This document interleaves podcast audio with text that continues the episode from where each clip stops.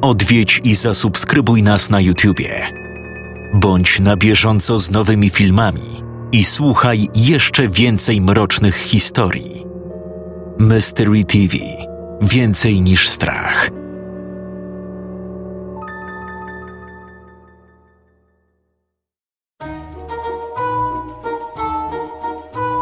Jak każda opowieść, ta również rozpocznie się czymś wciągającym, a mianowicie wytatuowanym i przyozdobionym kolczykami jak choinka młodzikiem, wciągającym prochy z lady recepcyjnej. Normalnie jak chmielowa, no nie? Zarechotał, dopiero zauważywszy, że mu się przyglądam. O kurwa! Ale ty masz anteny. Nastaw no na jakiegoś pordola. Uznałem, że klient ten osiągnął swoją prywatną nirwanę i już nie było sensu z nim dyskutować. Gdy odszedł do swojego pokoju w towarzystwie ochrony, wyczyściłem ladę, zdezynfekowałem dłonie i poprawiłem marynarkę, odwracając się twarzą ku wejściu. Uśmiechnąłem się lekko, zapraszając tłumnie wchodzących do hotelu gości. Hotel Ostatnia Wola obfitował w turystów, pracowników na najróżniejszym szczeblu w karierze oraz szychy i innych wyjadaczy. Nie była to jednak codzienność i myślę, że możemy być za to wdzięczni wymuszeniem zamknięcia hoteli na całym świecie. Przecież wiadomo, że każdy mądry wejdzie tam, gdzie znajduje się znak wstęp wzbroniony. W pewnym momencie zadzwonił telefon znajdujący się po mojej prawej stronie. Podniosłem słuchawkę. Hotel Ostatnia Wola. Czym mogę służyć? Po kilku urywanych szumach usłyszałem rozeźlony kobiecy głos. Proszę o zarezerwowanie na nazwisko Padlina dwóch pokoi jednoosobowych. Żółć ci na beret padła, ty krowo? Usłyszałem w tle męski głos i odgłos chlapania, jakby ktoś napełniał coś wodą. Prędzej utopię się w tej wannie, niż gdziekolwiek z tobą pojadę.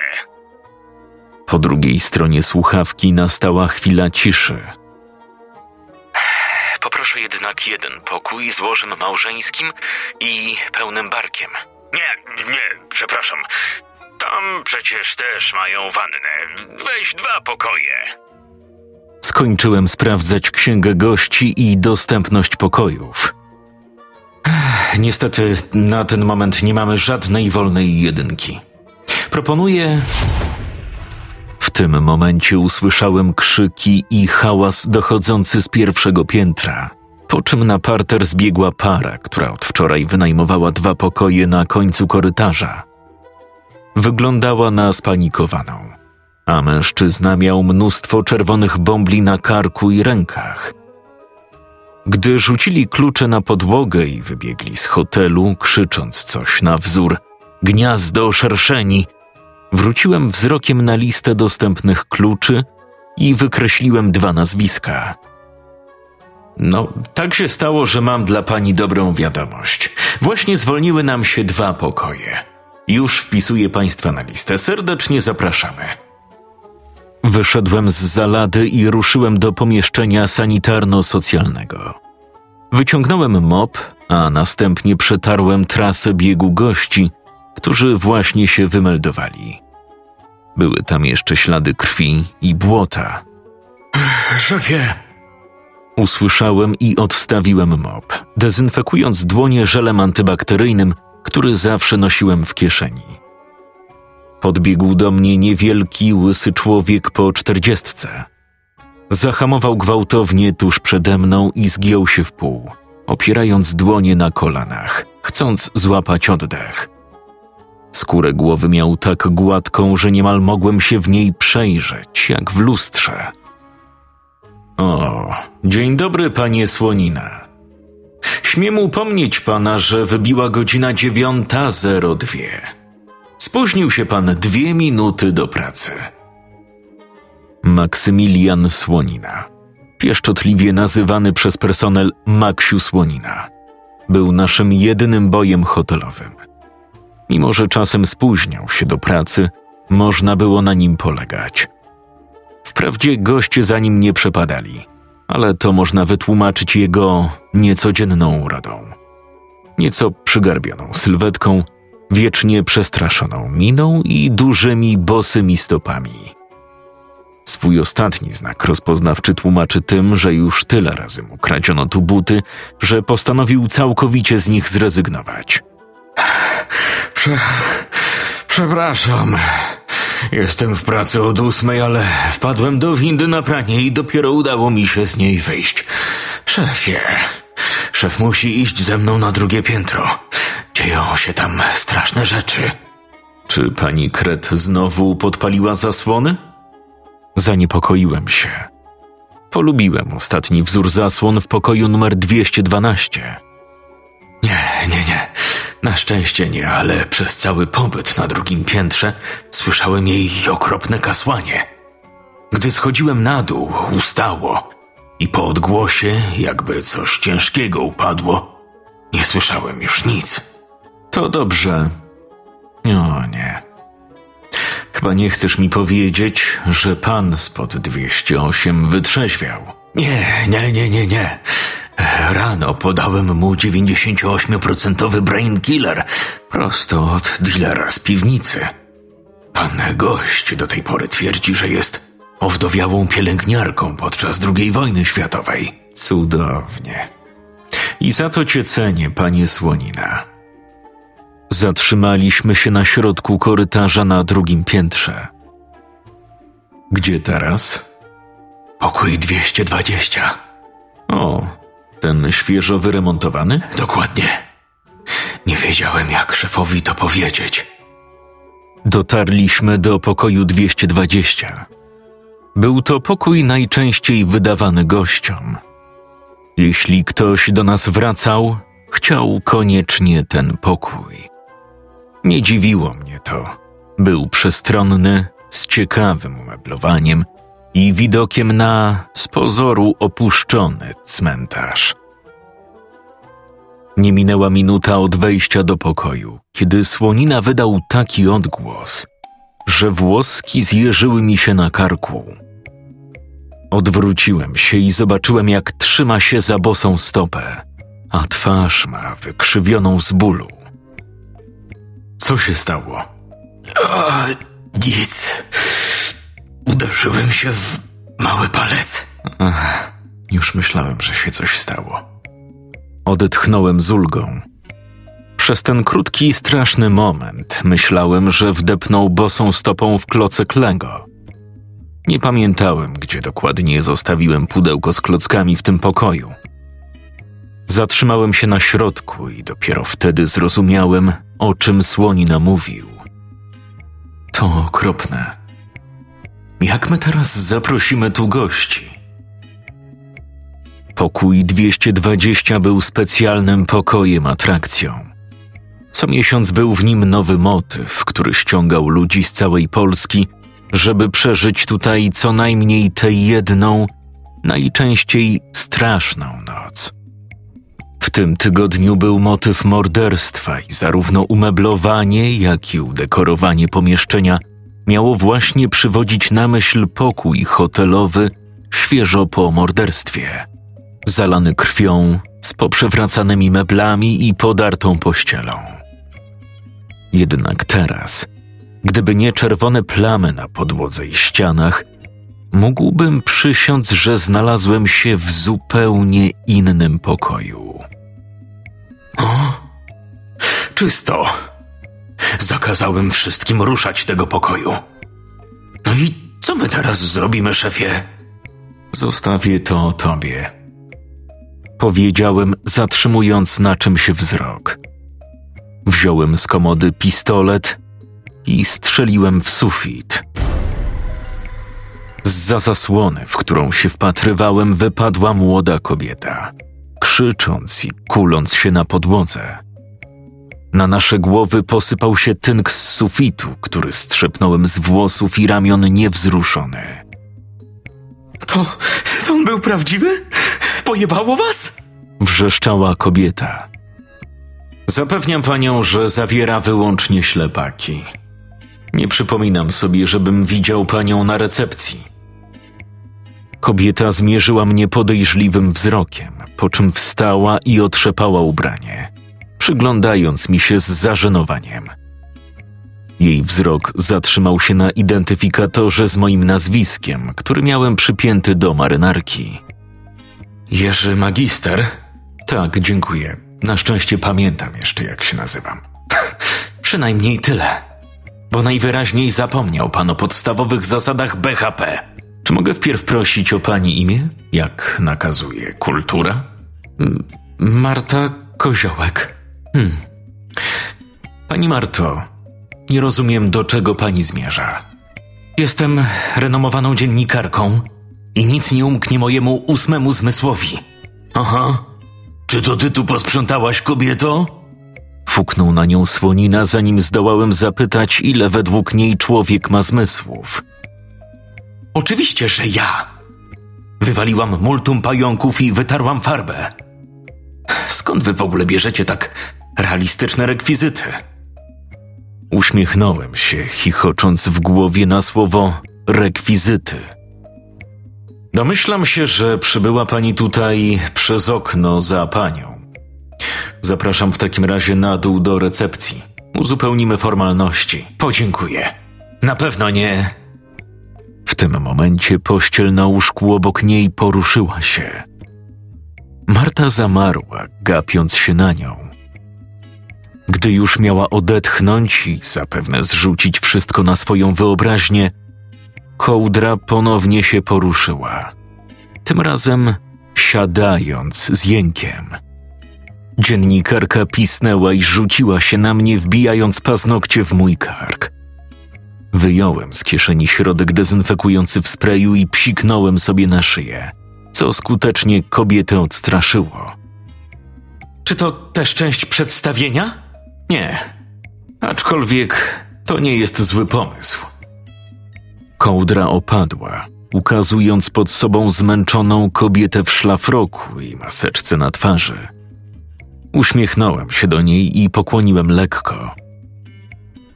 To pani Sztos z pokoju 101. Musiała tu zawędrować podczas snu. Panie Słonina, proszę odprowadzić panią Sztos do jej pokoju, a panią, pani Marto, zapraszam do recepcji. Pozwolę sobie nalegać. Chciała się znowu sprzeciwić, ale najpewniej uznała, że i tak woli recepcji od tego pokoju, więc podążyła za mną. A ja na odchodne dałem znak słoninie, żeby doprowadził pokój do pierwotnego stanu, kiedy tylko odprowadzi panią sztos.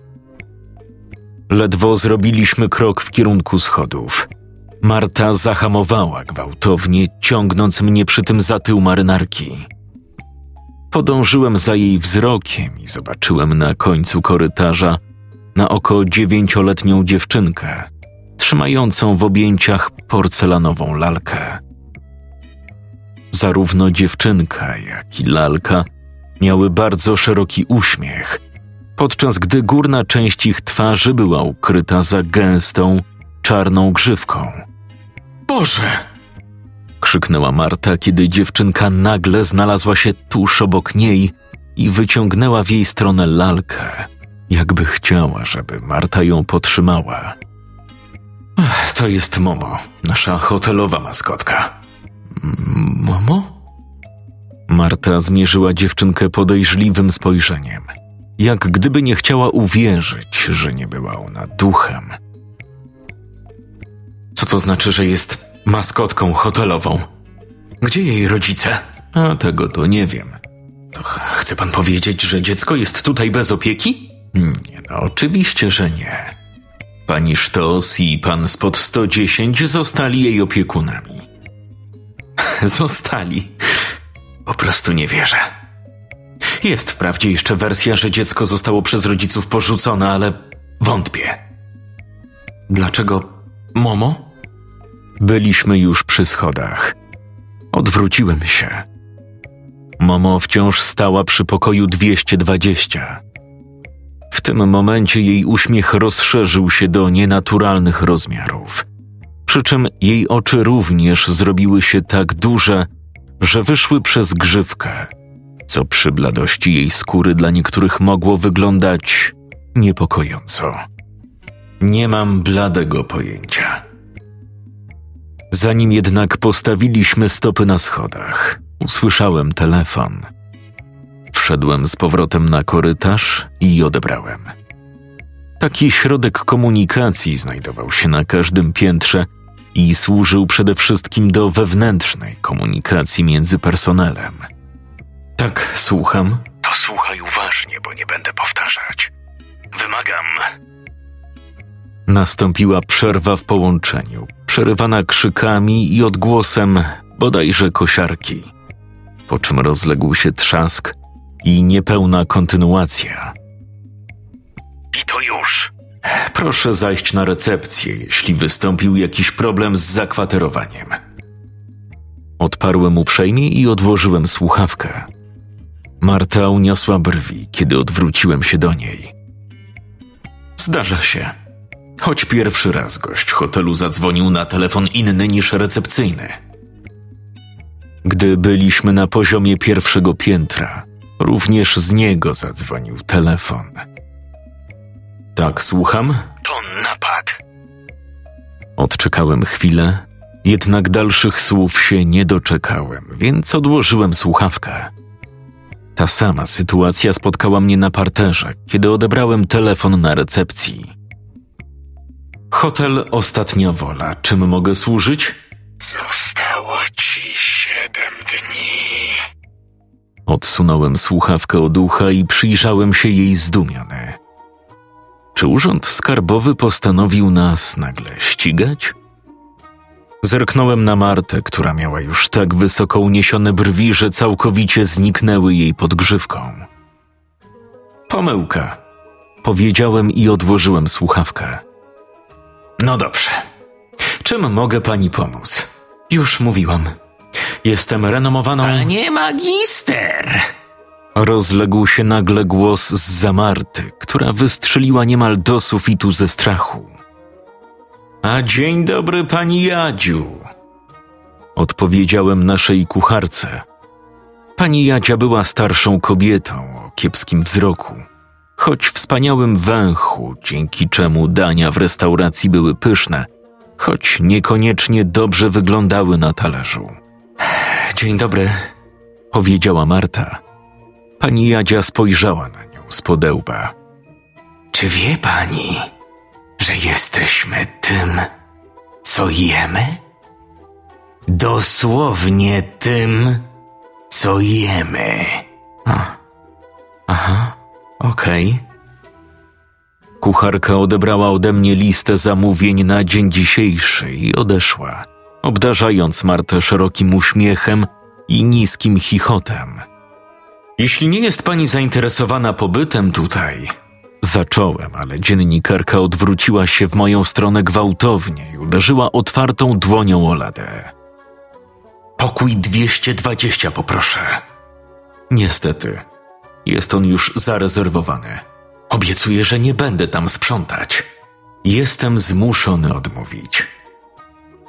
Wtem spod jej dłoni, leżącej na ladzie, wysunęło się kilka banknotów stuzłotowych. Spojrzałem na nią. Tak jak mówiłem, zapraszam na górę. Gdy byliśmy na schodach, Marta ponownie rozpoczęła rozmowę. Czy w pokoju 212 nikogo nie ma? Wynajmuje go pani Kret. A dlaczego pani pyta? Jak tu wchodziłam, to zdawało mi się, że coś było nie tak z tym pokojem. Co ma pani na myśli? Czy coś się stało z zasłonami? Nie. Coś dużego zwisało z sufitu. I domyśliłam się, że to z pokoju 212. Chciałam najpierw tam pójść, rozpocząć śledztwo, ale trafiłam do tego. Jak wy to nazywacie? Pokój strachów, czy co? Pokój motywowy. Co miesiąc zmieniamy w nim motyw, żeby zainteresować gości. A, czyli teraz miało to być coś na wzór morderstwa? Hmm? Ciekawe, ciekawe. Opuściliśmy pierwsze piętro, a z pokoju na końcu korytarza dobiegł do nas dźwięk bzyczenia owadów. Jakiego rodzaju śledztwo pani prowadzi? A, no tak. W sumie to może mi pan będzie w stanie pomóc. Piszę artykuł o sprawie dziwnych telefonów. Mój znajomy z policji powiedział, że ostatnio mają do czynienia z seryjnymi morderstwami, które następują po jednym lub kilku połączeniach telefonicznych. Osoba dzwoniąca najczęściej jest agresywna albo mówi dziwnie, jakby była nawiedzona. Słyszał może pan coś o tym zjawisku? Nie, nic. Zupełnie nic. W tym samym momencie zadzwonił mój telefon komórkowy. Proszę wybaczyć. Tak, słucham? Mam tu bombę. Jeśli nie zobaczę miliona przed hotelem do 16, wysadzę was wszystkich w powietrze. Nastąpiła pomyłka. Motyw z bombą mieliśmy w zeszłym miesiącu. Proszę spróbować zadzwonić za pół roku. Być może powtórzymy motyw. Co? Rozłączyłem się, po czym spojrzałem na dziennikarkę. Bardzo panią przepraszam, to było nieuprzejme z mojej strony. Proszę kontynuować. Niektórzy również grozili atakiem. To jest naprawdę irytujące. Nienawidzę takich spraw nie do rozwiązania. W zeszłym roku dostaliśmy cynko hotelu, w którym ginęli goście. Jakieś śmiertelne urządlenia, samobójstwa i takie tam inne. Ale oczywiście szybko trafiliśmy w ślepy zaułek i nici z artykułu. Co za pech. Bardzo mi przykro. Odparłem, szczerze łącząc się z nią w smutku. Szefie! Odwróciłem się i ujrzałem zdyszanego słoninę. Odstawiłeś panią sztos bezpiecznie do pokoju? Tak, tak, tak, tak. Ostatecznie tak. Wprawdzie na moment straciłem ją z oczu, ale gdy usłyszałem, że nie działa winda, wiedziałem, że znowu ją zablokowała głową. Już wszystko działa, szefie. Widziałeś może po drodze pana z pokoju 110? Opiekuna Momo? Nie, a coś się stało? Nie, nie, nie, nie, nie. Chciałem mu podać komplet noży, który zamawiał u dealera z piwnicy, bo już jest gotowy. No ale nic, sam go pójdę poszukam. Gdy słonina zniknął na schodach prowadzących na parter, odwróciłem się do dziennikarki, która przeszywała mnie podejrzliwym wzrokiem. Coś się stało? Coś mi tu nie gra, powiedziała powoli, obchodząc mnie i przyglądając się uważnie. Coś tu jest nie tak.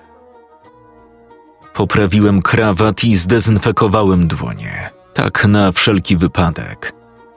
W tym momencie palec Marty wystrzelił w kierunku mojej twarzy, kiedy wykrzyknęła: Tak, to pan!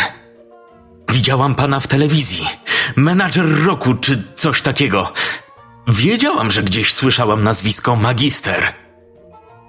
Uśmiechnąłem się uprzejmie i schowałem niewielki przedmiot owinięty w materiał z powrotem za pas pod marynarką.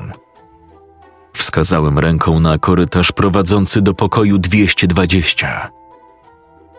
Proszę się rozgościć i uzupełnić ankietę znajdującą się na blacie koło telewizora. Ja w międzyczasie pójdę uzupełnić formalności. Dziękuję. A proszę mnie poinformować, jeśli otrzymałby pan dziwny telefon. Oczywiście, jak najbardziej.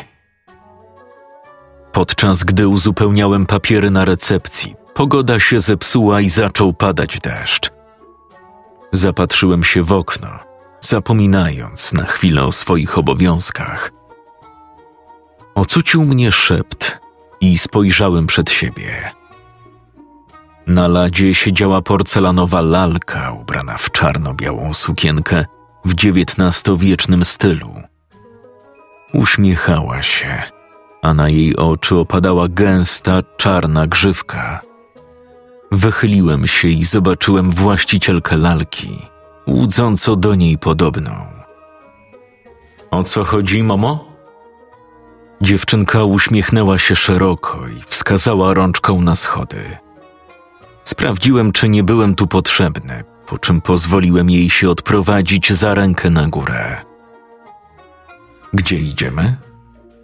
Momo nie odpowiedziała, tylko pokazała wyżej. Najwyraźniej chciała mi coś pokazać na drugim piętrze. Pamiętaj, że jestem cały czas w pracy. Kiwnęła głową. Po chwili zatrzymaliśmy się przed pokojem 220. Że tutaj? Dziewczynka znowu kiwnęła głową i uciekła, znikając w ciemnym korytarzu po lewej. Nacisnąłem klamkę i wkroczyłem do pokoju. Wyglądał tak, jak go zostawiłem. Odetchnąłem z ulgą. Już miałem wyjść i dopytać mamo, dlaczego mnie tu sprowadziła, kiedy potknąłem się o coś i wylądowałem na czymś miękkim i lepkim. Ach, ojej.